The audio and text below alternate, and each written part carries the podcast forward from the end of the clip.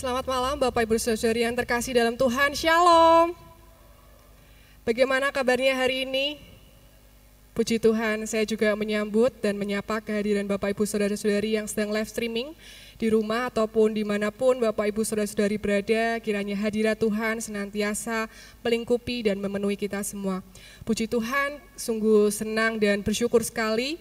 Kita bersyukur karena anugerah Tuhan kita diberikan kesempatan yang baru oleh Tuhan untuk kita dapat datang menyembah Tuhan dan beribadah kepada Tuhan, menghampiri tahtanya yang kudus dalam kebaktian hari Minggu, hari sore ini tanggal 25 September 2022.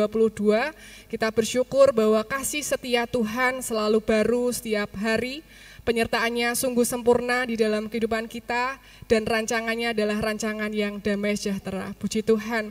Untuk itu mari pada hari ini kesempatan yang istimewa ini kita mau beri yang terbaik untuk Tuhan. Kita menyembah Tuhan lebih dalam lagi. Kita meninggikan Tuhan dengan kesungguhan hati kita. Arahkan setiap hati pikiran kita, bahkan hidup kita malam hari ini kita mau persembahkan semuanya untuk kemuliaan nama Tuhan. Ada beberapa pengumuman yang akan saya bacakan. Bapak Ibu Saudara-saudari dapat melihat dalam buletin hari ini. Gereja Baptis Indonesia Candi mengucapkan selamat ulang tahun kepada tanggal 25 September Saudari Kosyantini dan Bapak Doni Danardono, tanggal 30 September Ibu Eli Sumarsih.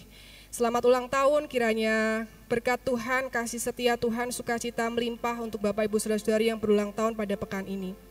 Selanjutnya ada pengumuman bagi setiap jemaat, ada usaha dana dari panitia Natal tahun 2022 dengan cara mengumpulkan celengan koin dalam galon yang ada di depan uh, pintu. Tadi Bapak Ibu Saudara-saudari melewati juga. Silahkan uh, bagi Bapak Ibu Saudara-saudari bisa berpartisipasi dengan memasukkan beberapa koin maupun uang kertas juga bisa untuk kita bersama-sama berkontribusi mempersiapkan acara Natal dan Tahun Baru gereja kita. Selanjutnya uh, ada pengumuman dari panitia camp PKMB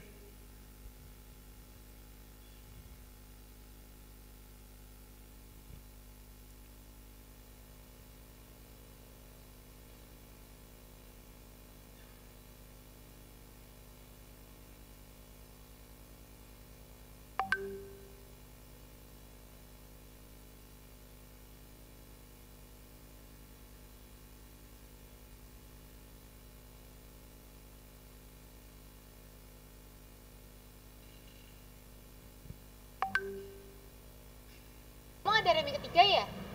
Kan emang ada. Emang kamu belum lihat cuplikan yang tayang dua minggu lalu? Oh yang itu, aku sih udah lihat. Nah, ya udah, daftar dong aku udah. Nanti aja lah. Nanti nanti nanti daftar tutup nangis. Emang lagi ngapain sih pakai camping camping segala? Ya ampun lah.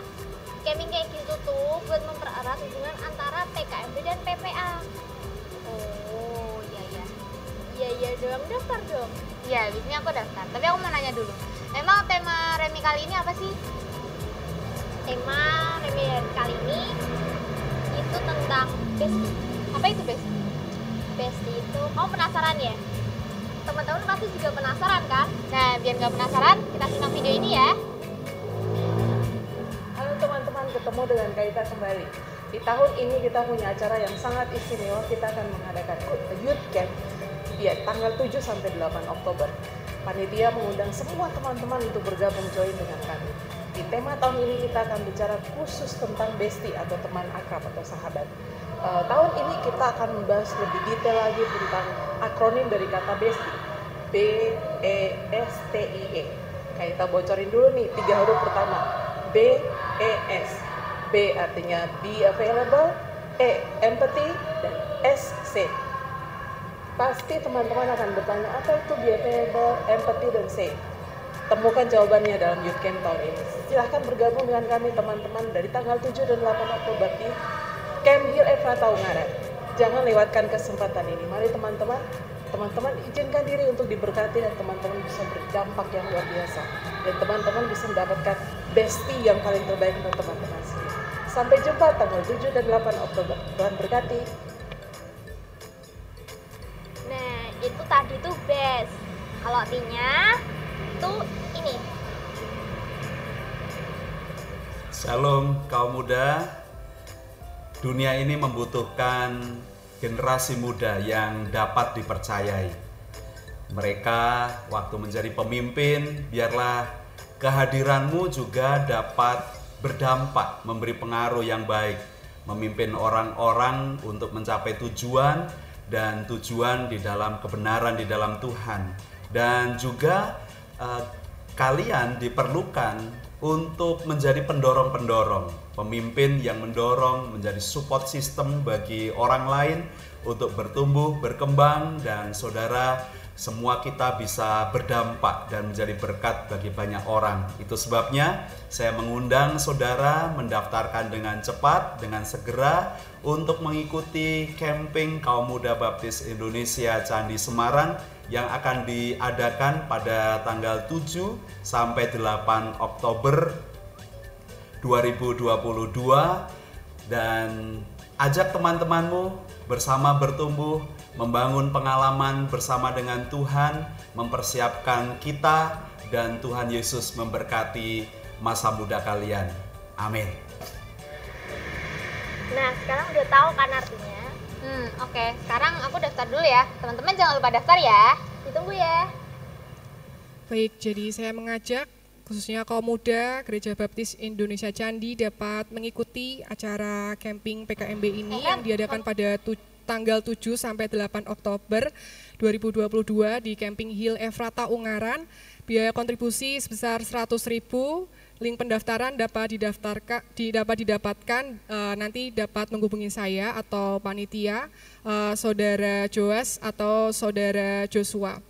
Mari eh, kaum muda bisa segera mendaftar karena pendaftaran akan ditutup paling lambat tanggal 28 Oktober dua- 28 September 2022. Biarlah kaum muda kita bisa menjadi kaum muda yang bertumbuh di dalam Tuhan, berpengalaman dalam persekutuan yang indah dengan Tuhan. Amin.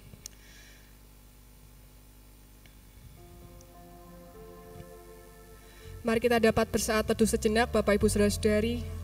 Kita bersyukur untuk semua hal yang Tuhan telah kerjakan dalam kehidupan kita, keluarga kita. Dia Allah yang mengasihi kita.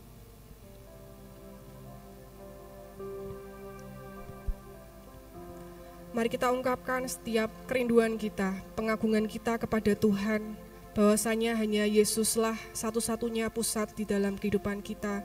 Dialah segala-galanya yang sanggup untuk menolong kehidupan kita, menyediakan semua yang kita perlukan. Efesus 3 ayat 18 sampai 19. Aku berdoa supaya kamu bersama-sama dengan segala orang kudus dapat memahami betapa lebarnya dan panjangnya dan tingginya dan dalamnya kasih Kristus dan dapat mengenal kasih itu sekalipun ia melampaui segala pengetahuan. Aku berdoa supaya kamu dipenuhi di dalam seluruh kepenuhan Allah. Saya mengundang Bapak Ibu Saudara-saudari untuk berdiri. Kita mau menyatakan kerinduan kita, kita mau menyatakan pengagungan kita kepada Tuhan bahwa dialah Allah yang tetap dan sampai selama-lamanya yang layak menerima segala pujian penyembahan kita.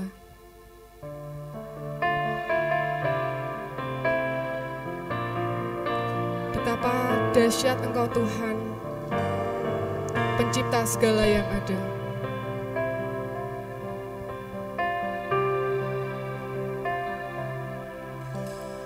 Betapa dahsyat Engkau Tuhan,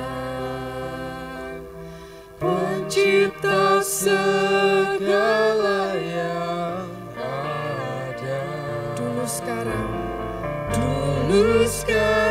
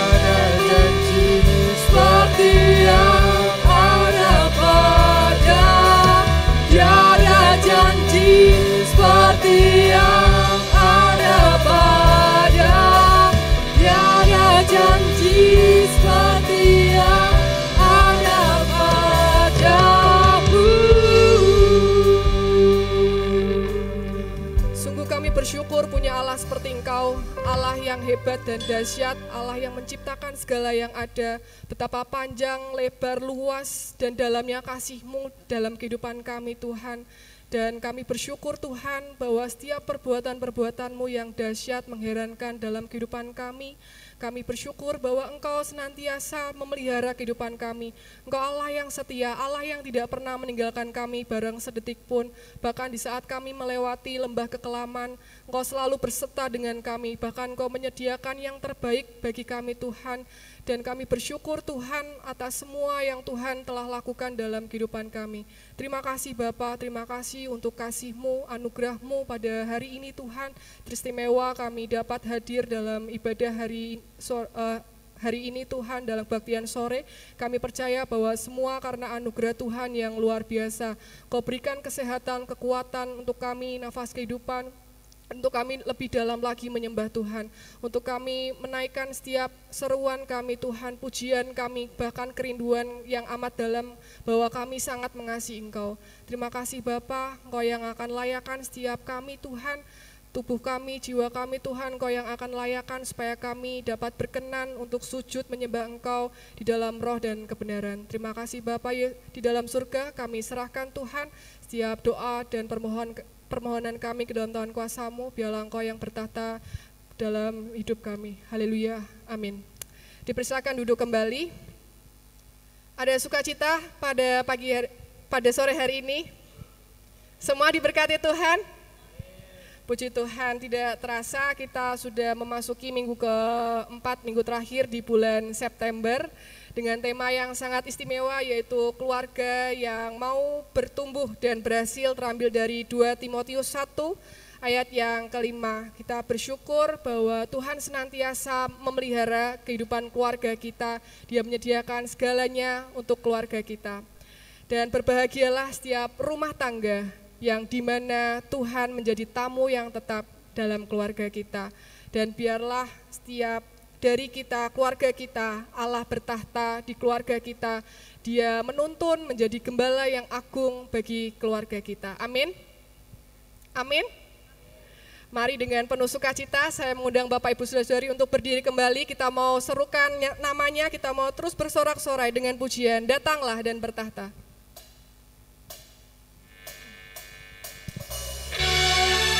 Mari kita bertepuk tangan Bapak Ibu Saudari.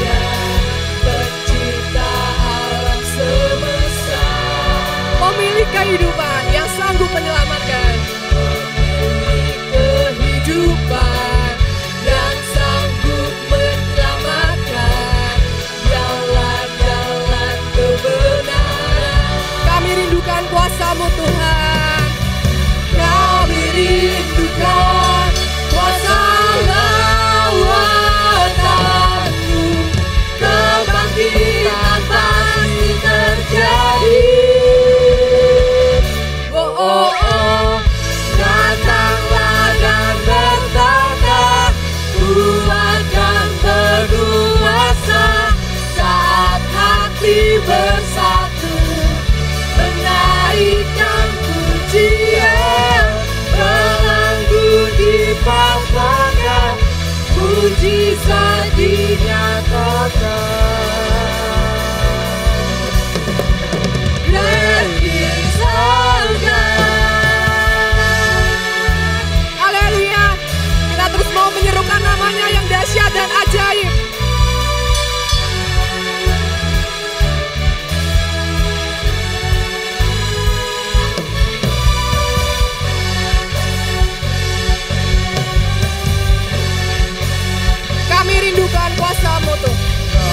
Давид.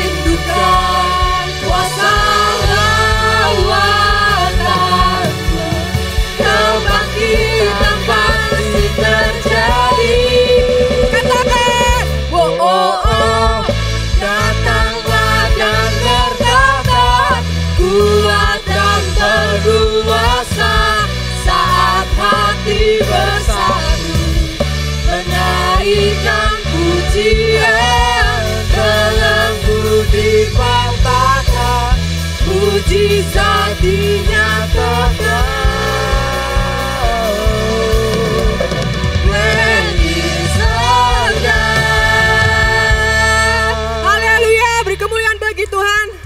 kita terus mau memuji Tuhan, kita mau lebih semangat lagi Bapak Ibu Saudara-saudari. Mari kita terus meninggikan namanya dengan pujian terbesar dan mulia. Kau terbesar dan mulia ajaib semua perbuatanmu. Katakan kau terbesar kau terbesar dan mulia. Biarlah semua memujimu. Mari kita bertepuk tangan Bapak Ibu Saudara-saudari. Kita mau menyembah Tuhan dengan sungguh-sungguh. Kita mau beri yang terbaik.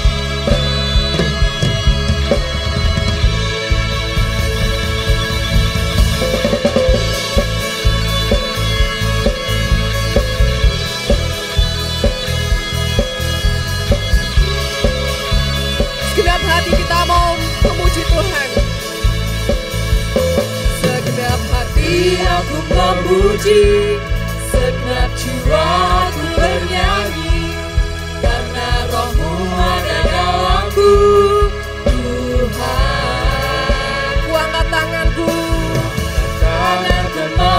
ti.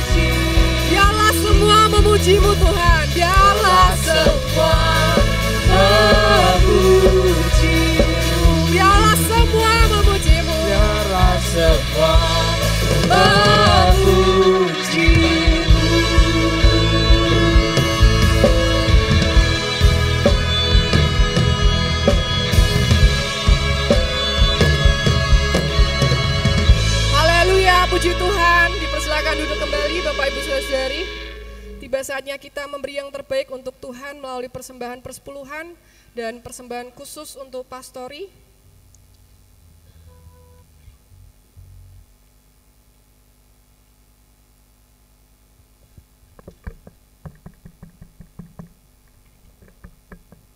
Saudara Joas dapat menolong kita dalam dua persembahan.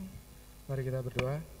Bapa kami ada dalam surga, ucap syukur Tuhan pada sore hari ini Engkau mempertemukan kami untuk berdoa, untuk memuji namamu Tuhan Dan sebentar kami memberikan apa yang terbaik bagimu. Kamu berkati persembahan persepuluhan kami, kamu berkati tangan yang memberi dan belum bisa memberi Tuhan. Terima kasih Tuhan Yesus, kami sudah mengucap syukur, haleluya, amin. Sambil persembahan diedarkan, kita akan pujikan berkat anak cucu.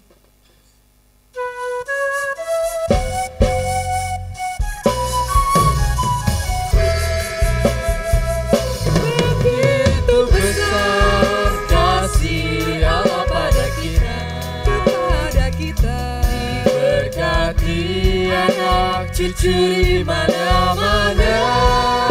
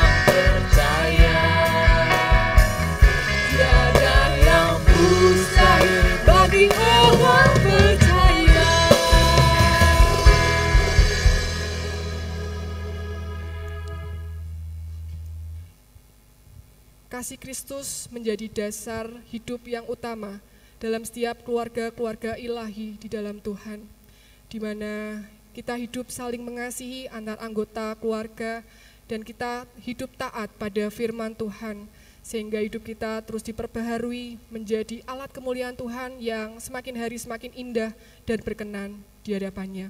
Pujian jadikan aku indah akan mempersiapkan hati dan pikiran kita untuk mendengar kebenaran firman Tuhan yang akan disampaikan oleh Bapak Pendeta Muda Bayu Triyono Kinle MTH. Saya mengundang Bapak Ibu Saudari untuk berdiri, kita mau pujikan dengan kesungguhan hati kita. Jadikan aku indah.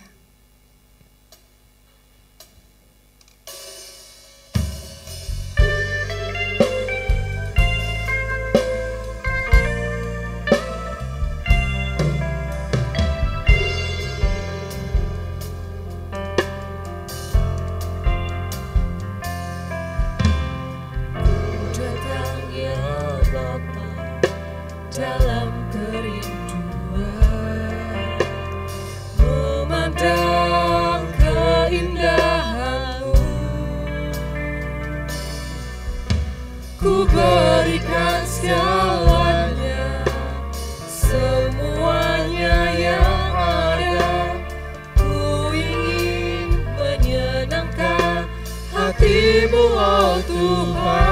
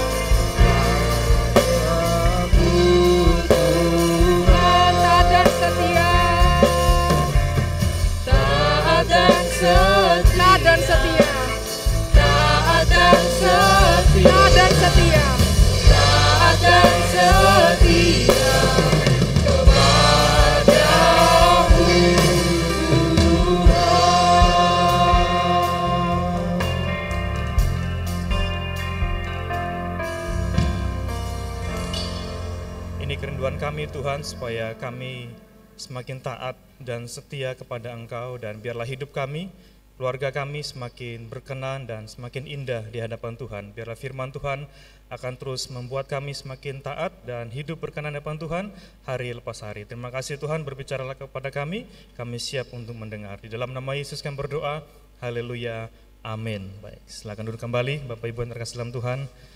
Puji Tuhan kita boleh uh, sampai di minggu yang terakhir dan ini adalah tema yang terakhir uh, di bulan September ini dan saya akan uh, menyampaikan khotbah dengan judul relasi dalam keluarga Kristen di dalam kitab Kolose 3 ayat 18 sampai 21. Bapak Ibu bisa melihat ini adalah firman Tuhan yang akan menjadi renungan kita pada sore hari ini. Kolose 3 ayat 18 sampai 21 Hai istri-istri, tunduklah kepada suamimu sebagaimana seharusnya di dalam Tuhan. Hai suami-suami, kasihilah istrimu dan janganlah berlaku kasar terhadap dia. Hai anak-anak, taatilah orang tuamu dalam segala hal karena itulah yang indah di dalam Tuhan. Hai bapak-bapak, janganlah sakiti hati anakmu supaya jangan tawar hatinya. Bapak Ibu yang terkasih dalam Tuhan, membangun keluarga itu merupakan bagian yang sangat penting dalam kehidupan kita sebagai orang-orang yang percaya. Tetapi dalam perjalanan hidup membangun keluarga itu tidak semudah yang kita pikirkan saat masih pacaran ya. Ada orang mengatakan tidak seindah masa pacaran ya. Ada orang pacaran lebih lama ya, mungkin 10 tahun, tetapi pada saat membangun pernikahan tidak bertahan lebih dari setahun ya karena ada konflik-konflik, ada suatu bentuk uh, pertikaian, pertengkaran yang tidak diselesaikan dan akhirnya berdampak kepada hubungan dan mengakibatkan perceraian. Bapak Ibu yang terkasih dalam Tuhan bahwa kehidupan kita sebagai orang Kristen memang harus berdasarkan kebenaran firman Tuhan.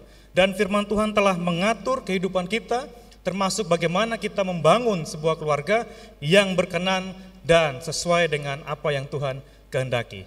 Bapak Ibu yang terkasih dalam Tuhan, kalau kita melihat kehidupan kita bahwa meskipun banyak keluarga-keluarga yang merasa bahwa mereka sudah tercukupi secara finansial, materi, tetapi sebenarnya di dalam kehidupan keluarga mereka, mereka tidak memiliki hubungan relasi yang baik.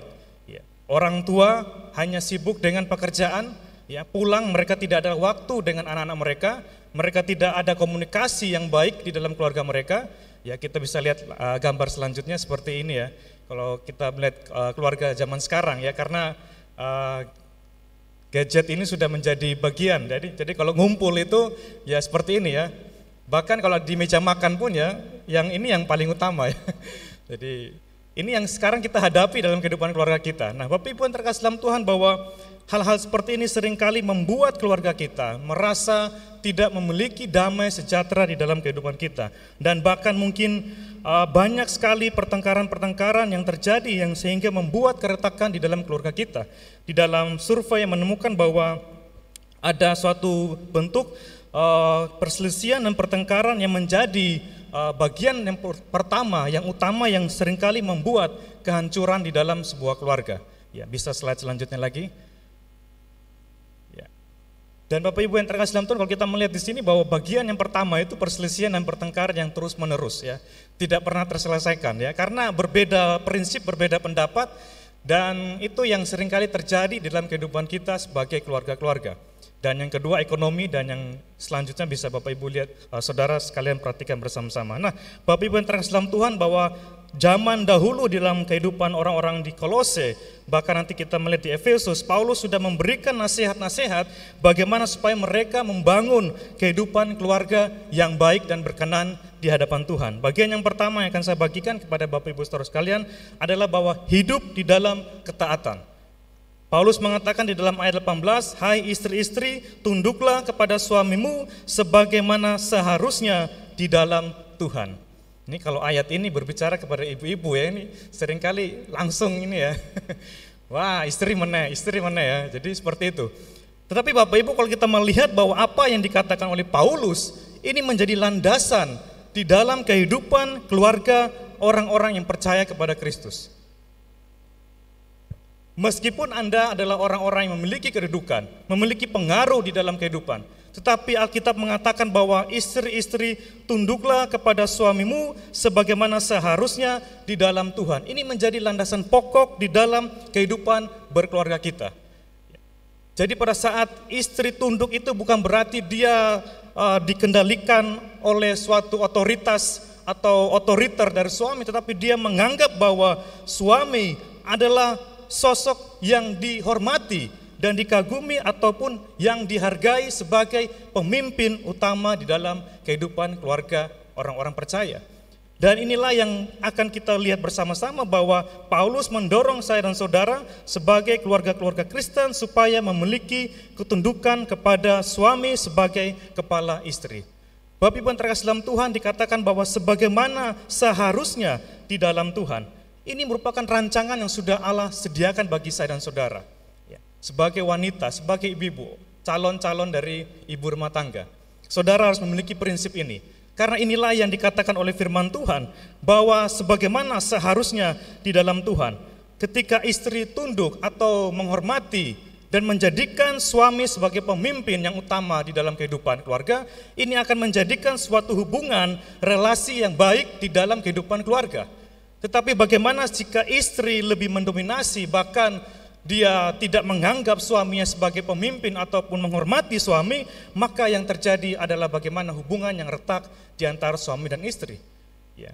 Ini bukan masalah suami takut istri ya, bukan. Tapi ini bagaimana suami, istri menghormati suami sebagai pemimpin. Karena itulah yang dikatakan oleh Alkitab sebagaimana seharusnya di dalam Tuhan. Dan di Efesus pun Bapak Ibu bisa melihat Paulus mengatakan di dalam ayat 20, eh, pasal 5 ayat 22, "Hai istri, tunduklah kepada suamimu seperti kepada Tuhan." Ya, jadi ini hal yang penting Bapak Ibu Saudara sekalian bagaimana kita mau bertumbuh di dalam kehidupan keluarga kita sebagai keluarga-keluarga Kristen supaya istri menganggap bahwa suami adalah pemimpin, imam dan juga orang-orang yang dipercaya di dalam keluarga Kristen. Dan dikatakan bahwa seperti kepada Tuhan. Ya. Jadi ketundukan saudara sebagai istri, wanita itu seperti untuk Tuhan. Ya, Paulus memberi gambaran bagaimana hubungan itu Suami adalah gambaran Kristus, istri adalah mempelai gereja. Dan itu merupakan hubungan yang sangat luar biasa. Paulus mengatakan bahwa ini rahasia yang besar yang tidak bisa dijelaskan secara manusia. Dan ini merupakan bagian yang penting di dalam kehidupan saya dan saudara supaya kita memiliki suatu bentuk penghormatan, ketundukan seperti jemaat tunduk kepada Kristus kita dapat melihat kalau gereja tidak lagi menghormati Kristus sebagai Tuhan atau tidak lagi menghormati firman Tuhan, maka akan terjadi suatu perpecahan di dalam gereja.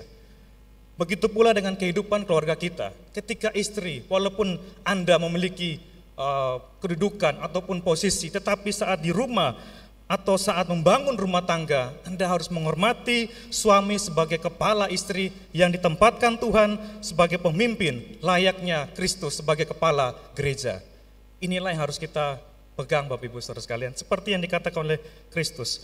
Dan ini merupakan kata yang sangat menarik, hupataso, ini adalah kata yang aktif ya, menyatakan tindakan yang terus menerus dan tidak berhenti. Artinya bahwa ketundukan saudara kepada suami itu tidak hanya sebatas ketika saudara mendapatkan apa yang saudara inginkan. Tetapi bagaimana itu merupakan aktif dilakukan terus-menerus meskipun suami saudara berubah karakternya atau mungkin ber, mengalami perubahan keadaan, situasi, bahkan ekonomi sekalipun, saudara tetap menghormati dia sebagai kepala yang ditempatkan Tuhan di dalam rumah tangga saudara. Bapak Ibu yang terkasih dalam Tuhan, ini hal yang penting bagi saya dan saudara supaya kita memiliki ketundukan di dalam kehidupan kita. Dan bagian yang kedua dalam poin yang pertama yaitu bahwa anak-anak hidup di dalam ketaatan. Di dalam ayat 20 Paulus mengatakan, "Hai anak-anak, taatilah orang tuamu di dalam segala hal karena itulah yang indah di dalam Tuhan." Paulus mengatakan bahwa tidak hanya istri, tetapi bagaimana anak-anak yang ada di dalam keluarga kita supaya mereka menghormati orang tua, hidup di dalam ketaatan di dalam Tuhan. Saudara yang terkasih Tuhan, ya ini yang hadir banyak kaum muda ya. Kita memiliki, orang-orang muda memiliki pemikiran-pemikiran juga terobosan-terobosan. Saudara mungkin punya pilihan, tetapi saat saudara masih berada di dalam dunia ini, saudara masih berada di dalam pengawasan orang tua, saudara hormat dan juga menaruh taat di dalam kehidupan saudara kepada orang tua yang saudara ada di dalam kehidupan saudara sekalian.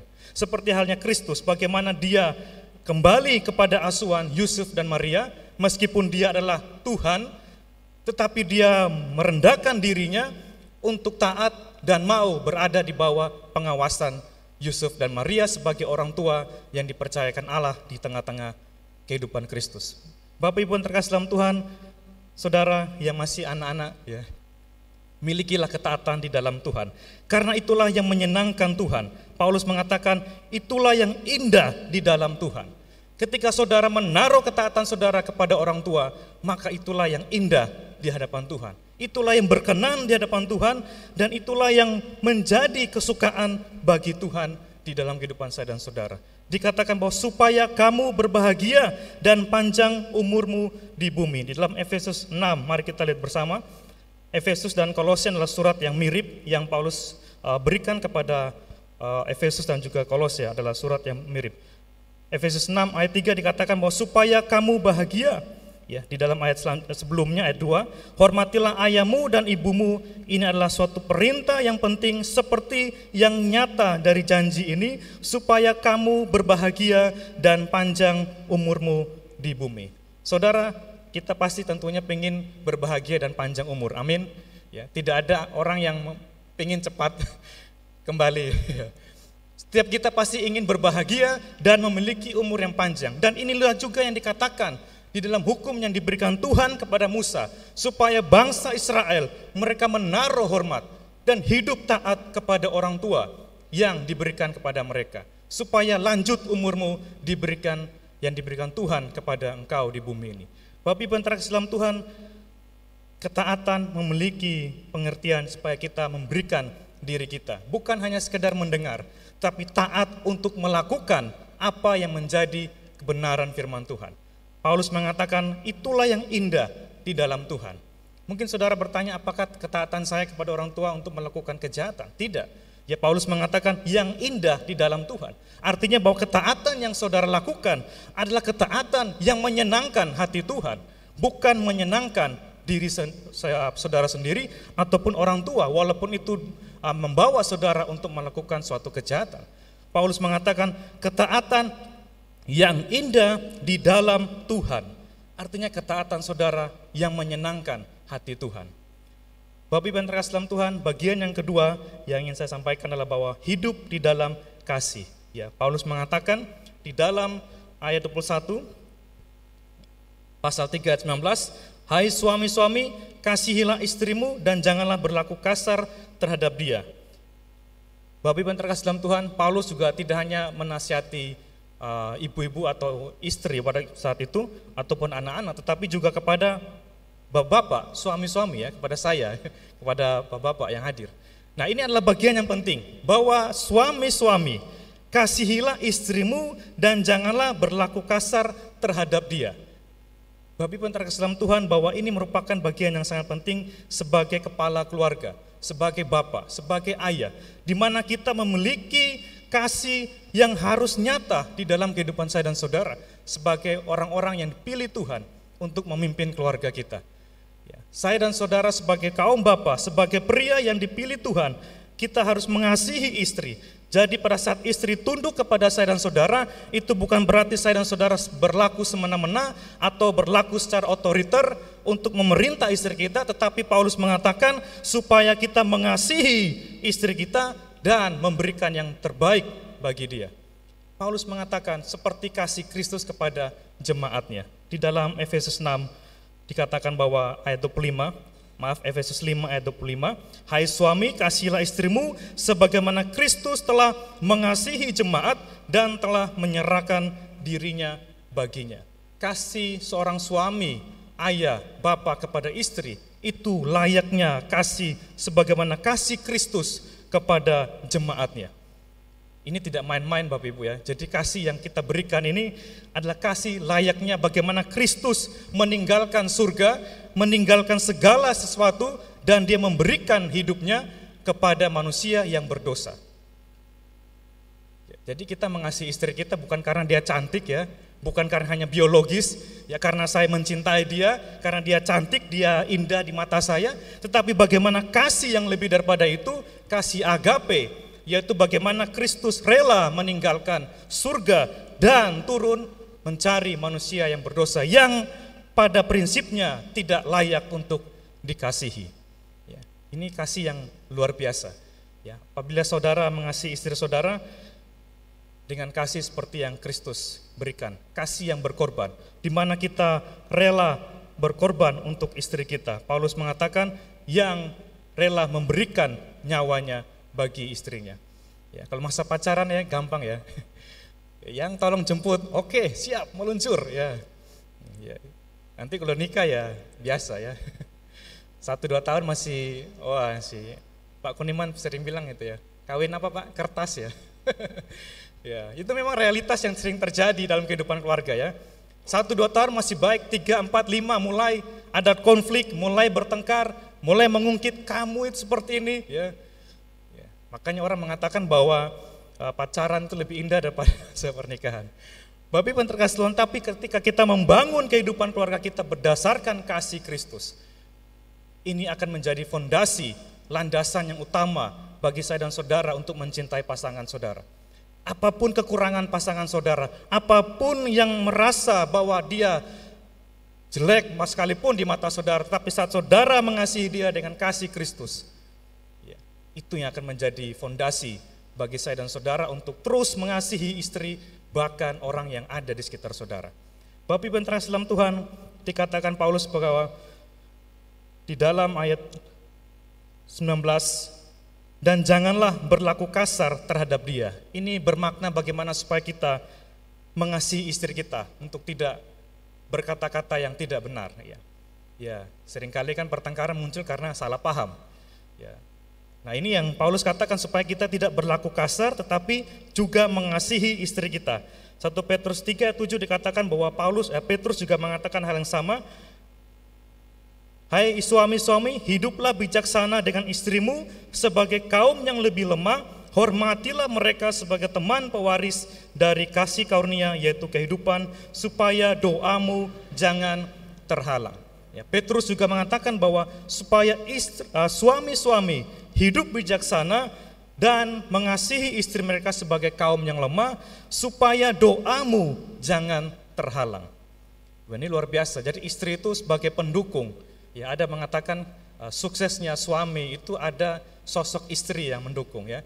Jadi ini benar bahwa Pak Petrus mengatakan bahwa ketika kita mengasihi istri kita, tidak berlaku kasar, menghormati dia, seperti kita mengasihi tubuh kita, maka doa-doa kita tidak akan terhalang. Bapak Ibu yang terkasih dalam Tuhan, ini penting bagi kita supaya kita juga sebagai kepala keluarga dapat memiliki kehidupan yang bijaksana di dalam kehidupan keluarga kita. Ya, banyak orang yang setelah menikah tidak menunjukkan karakter Kristus di dalam kehidupan mereka. Karena menyatukan dua prinsip ya, dua pribadi, dua karakter yang berbeda. Ya. Tuhan tidak mengatakan supaya kita melebur karakter kita menjadi satu, tapi bagaimana kita disatukan di dalam karakter Kristus. Saya dan istri saya, saya dari Kupang ya, timur, istri saya dari Jambi barat ya. Ini beda ya, tidak dari Jawa ya. Jadi kadang kami juga sama ya, menyatukan apa yang menjadi keinginan kami ada gesekan, tetapi bagaimana kami harus kembali saling mengasihi dan mengingat bagaimana kasih Kristus. Ya, kalau tanpa kasih Kristus mungkin kita sudah bertengkar, tidak ada uh, perdamaian, tidak ada pemulihan, ya. Cuek, ya, mau masak, mau makan terserah, ya, mau tidur, mau bangun terserah, ya. Tapi pada saat kita mengingat bagaimana kasih Kristus menjadi landasan kehidupan kita, maka kita akan mengasihi pasangan kita layaknya Kristus mengasihi saya dan saudara sebagai orang yang berdosa. Bapak Ibu yang terkasih dalam Tuhan, begitu pula dengan Bapak-Bapak untuk mengasihi anak-anak. Ya, Paulus mengatakan, Hai bapak-bapak, janganlah sakiti hati anakmu supaya jangan tawar hatinya. Bapak Ibu terkasih dalam Tuhan bahwa bagian yang kedua dari poin yang kedua ini Paulus mengatakan supaya kita sebagai bapak-bapak dapat mengasihi anak-anak kita supaya mereka berada di dalam kasih Kristus.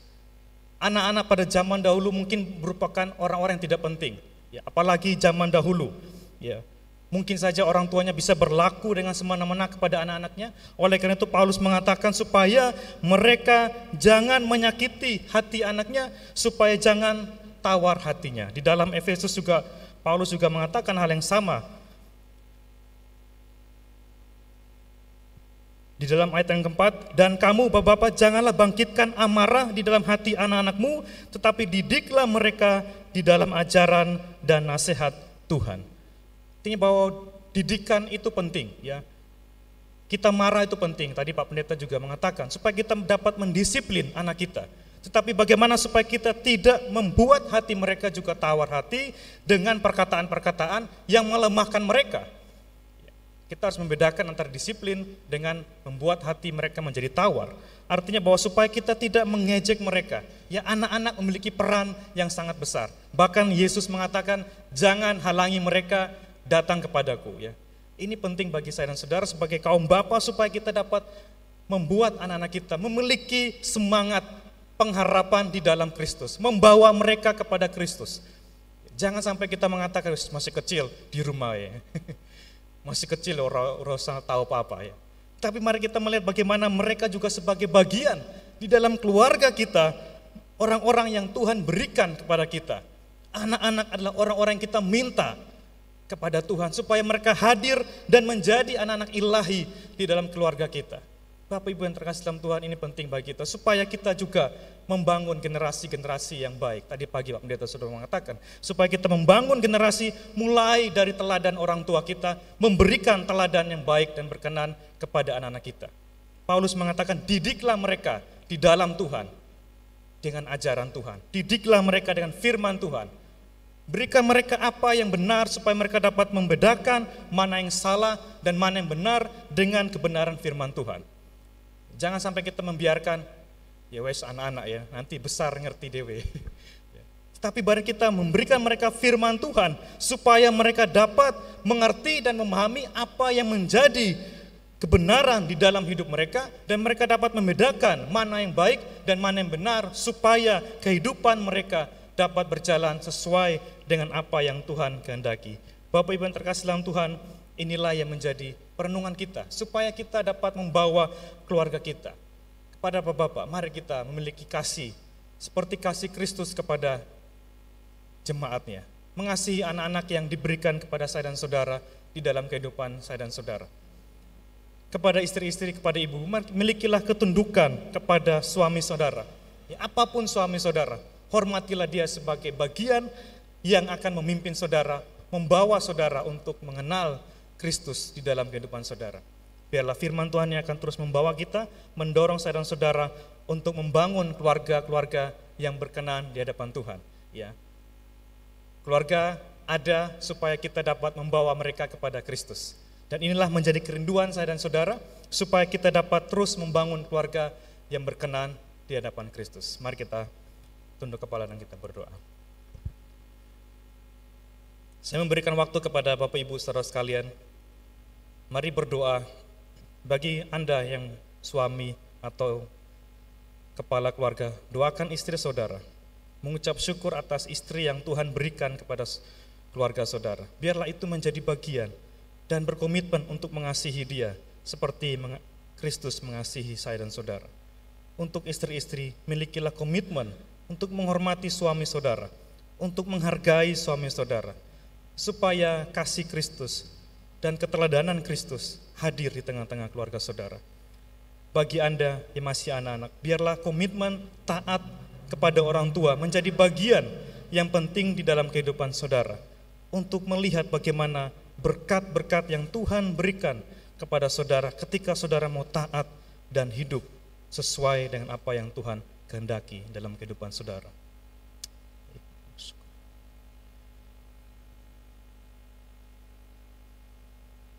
Bapa dalam surga kami bersyukur atas keluarga-keluarga yang boleh Engkau tempatkan di tengah-tengah kami. Kami percaya bahwa firman Tuhan menolong kami untuk terus berjalan sesuai dengan kehendak-Mu Tuhan. Biarlah keluarga-keluarga yang Engkau taruh dalam hidup kami menjadi keluarga-keluarga ilahi, keluarga-keluarga yang berkenan di hadapan Tuhan, membawa anak-anak kami, membawa istri dan suami kami untuk lebih mengenal Engkau Tuhan, untuk lebih mengasihi Engkau, seperti kami juga mengasihi sesama kami. Terima kasih Bapak atas firman-Mu, biarlah firman-Mu termateraikan di dalam hati dan pikiran kami. Di dalam nama Yesus kami berdoa, haleluya, amin. Serahkan kembali.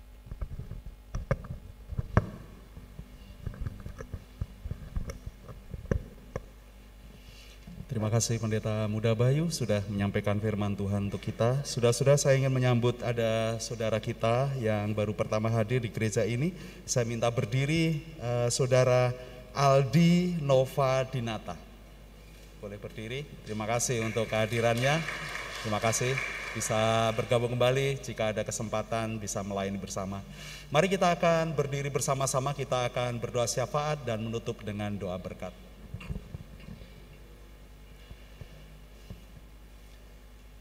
Bapa di dalam surga, bersama kami jemaatmu berdoa khusus untuk para pemimpin-pemimpin kami dari tingkat pusat sampai dengan yang di daerah yang terdekat dengan kami. Khususnya di masa sulit di uh, krisis kesehatan, uh, krisis ekonomi, krisis pangan, uh, krisis perdamaian secara global, perang yang terjadi di beberapa negara dan juga persaingan dan begitu banyak uh, krisis pangan uh, secara global yang berpengaruh juga secara global untuk bangsa kami. Bapak, Kami mohon biarlah Tuhan Engkau Allah yang menjadi Tuhan bagi bangsa kami memberkati para pemimpin-pemimpin kami, memberkati semua rakyat Indonesia jika berbagai macam demonstrasi protes bermunculan di beberapa kota digerakkan oleh beberapa uh, kelompok uh, kami mohon kepada Tuhan biarlah ada dialog, ada aspirasi yang disampaikan dengan baik tanpa anarkis dan biarlah semua berlangsung uh, dengan baik dan menemukan solusi yang terbaik untuk bangsa kami. Dan jika dalam keadaan seperti ini kami juga bermohon kepada Tuhan supaya kami bangsa Indonesia dikaruniai dengan bahu yang kuat untuk memikul segala sesuatu. Kami diberikan keterampilan, kerajinan, kami juga diberikan hikmat, kreativitas, inovasi untuk menghadapi tantangan zaman dan kesulitan-kesulitan kehidupan ini dan Tuhan yang akan melawat dan memberkati semua uh, regulasi yang sudah dilakukan pemerintahan kami untuk men mencegah, mengimbangi uh, harga-harga uh, kenaikan dari berbagai macam kebutuhan uh, pokok dan kebutuhan masyarakat Indonesia dan mendistribusikannya dengan baik. Dan kami mohon kepada Tuhan biarlah semua dapat berlangsung dengan baik dan uh, distribusi merata secara adil dan itu sebabnya kami terus mendoakan mereka para pemimpin-pemimpin kami baik legislatif, yudikatif dan uh, eksekutif sehingga semua dapat bekerja bersama-sama dengan komponen bangsa ini. Agar juga kami berdoa untuk beberapa tempat karena uh, persoalan hukum yang ada di uh, Jayapura. Dan kami mohon biarlah Tuhan memberikan hikmat dan ada ketenangan, ada ke kedamaian yang Tuhan beri sehingga sungguh dapat mengatasi masalah-masalah dengan baik tanpa mengikut sertakan uh, berbagai macam sentimen perbedaan di uh, dalam uh, kebinekaan kami. Kami mohon Bapak berkatilah bangsa yang besar ini sehingga Indonesia dapat maju, dapat menghadapi tantangan zaman Tuhan memberkati dengan orang-orang yang cakap, orang-orang yang memperhatikan kepentingan rakyat banyak dan memberikan peluang kesejahteraan kepada semua pihak sehingga bangsa kami disejahterakan baik secara batiniah, secara lahiriah juga. Terima kasih Tuhan, kami berdoa biarlah gereja kami, tempat kami melayani bersekutu bersama juga dapat berkontribusi untuk membangun manusia Indonesia seutuhnya. Kami berdoa untuk uh, compassion kami, PPA kami yang melayani 168 anak uh, penerima manfaat dan biarlah mereka dan keluarganya akan mengenal kasih Kristus dan hatinya dibuka untuk uh, melayani Tuhan, percaya kepada Yesus. Kami juga berdoa untuk pelayanan sekolah kami dengan anak-anak yang uh, bersekolah di tempat ini dari PAUD, TK, dan SD dan biarlah ini juga menjadi ladang bagi penginjilan, bagi pelayanan diakonia kami untuk masyarakat di sekitar kami, sehingga engkau dipermuliakan melalui pelayanan kami bersama di gereja ini. Terima kasih Tuhan, inilah doa dan permohonan kami, kami naikkan di dalam nama Tuhan Yesus Kristus kami berdoa. Jemaat Tuhan pulanglah, bawalah berkat dan kasih sayang dari Bapa di dalam Tuhan Yesus Kristus dan Roh Kudus dengarkanlah dia. Maka dia akan memberitahukan jalan-jalannya kepadamu sehingga engkau diberkati. Diberkati dengan kasih dan sukacita. Kebajikan dan kemurahan Tuhan akan mengikutimu ke mana pun kau pergi akan dilimpahi dengan kesehatan, perlindungan dari segala macam penyakit dan bahaya. Dia akan memberkatimu dengan anak-anak dan keturunanmu akan menjadi berkat bagi bangsa-bangsa. Dia akan memberkatimu, uh, memelihara kehidupanmu secara total dan memberkatimu di dalam pekerjaan. Rezeki dia limpahkan uh, secara uh, cukup dan melimpah dan dia akan memberkati tangan-tanganmu yang bekerja, diberikan keterampilan, keberhasilan dan keberuntungan dan saksikanlah pada orang lain apa yang sudah Bapamu perbuat dalam kehidupanmu sehingga orang melihat perbuatan Bapamu yang baik dan mereka juga dapat menyembah Bapamu yang di sorga. Terima kasih Tuhan Yesus inilah ibadah kami, korban syukur dan puji-pujian kami naikkan untuk Engkau saja, Yesus Kristus, Kepala Gereja kami dari sekarang sampai selama-lamanya. Haleluya. Amin.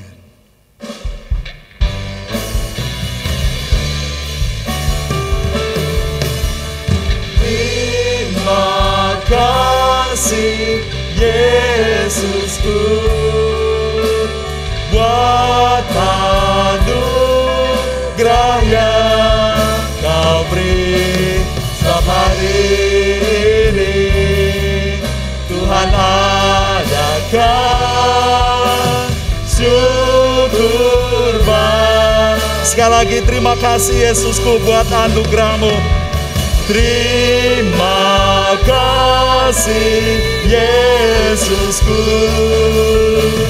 Buat anugerah yang kau beri sebab hari ini. Tuhan adakan syukur buat hari ini Tuhan adakan sebab hari ini Tuhan adakan syukur bagi sebab keluarga kami Tuhan adakan. Sebab keluarga kami Tuhan adakan. Syukur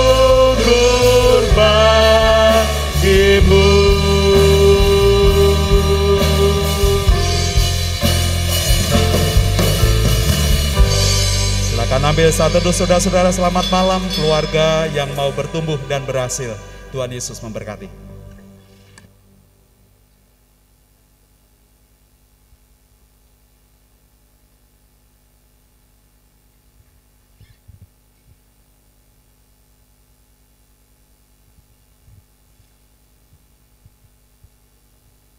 Amin. Selamat malam, Tuhan Yesus memberkati.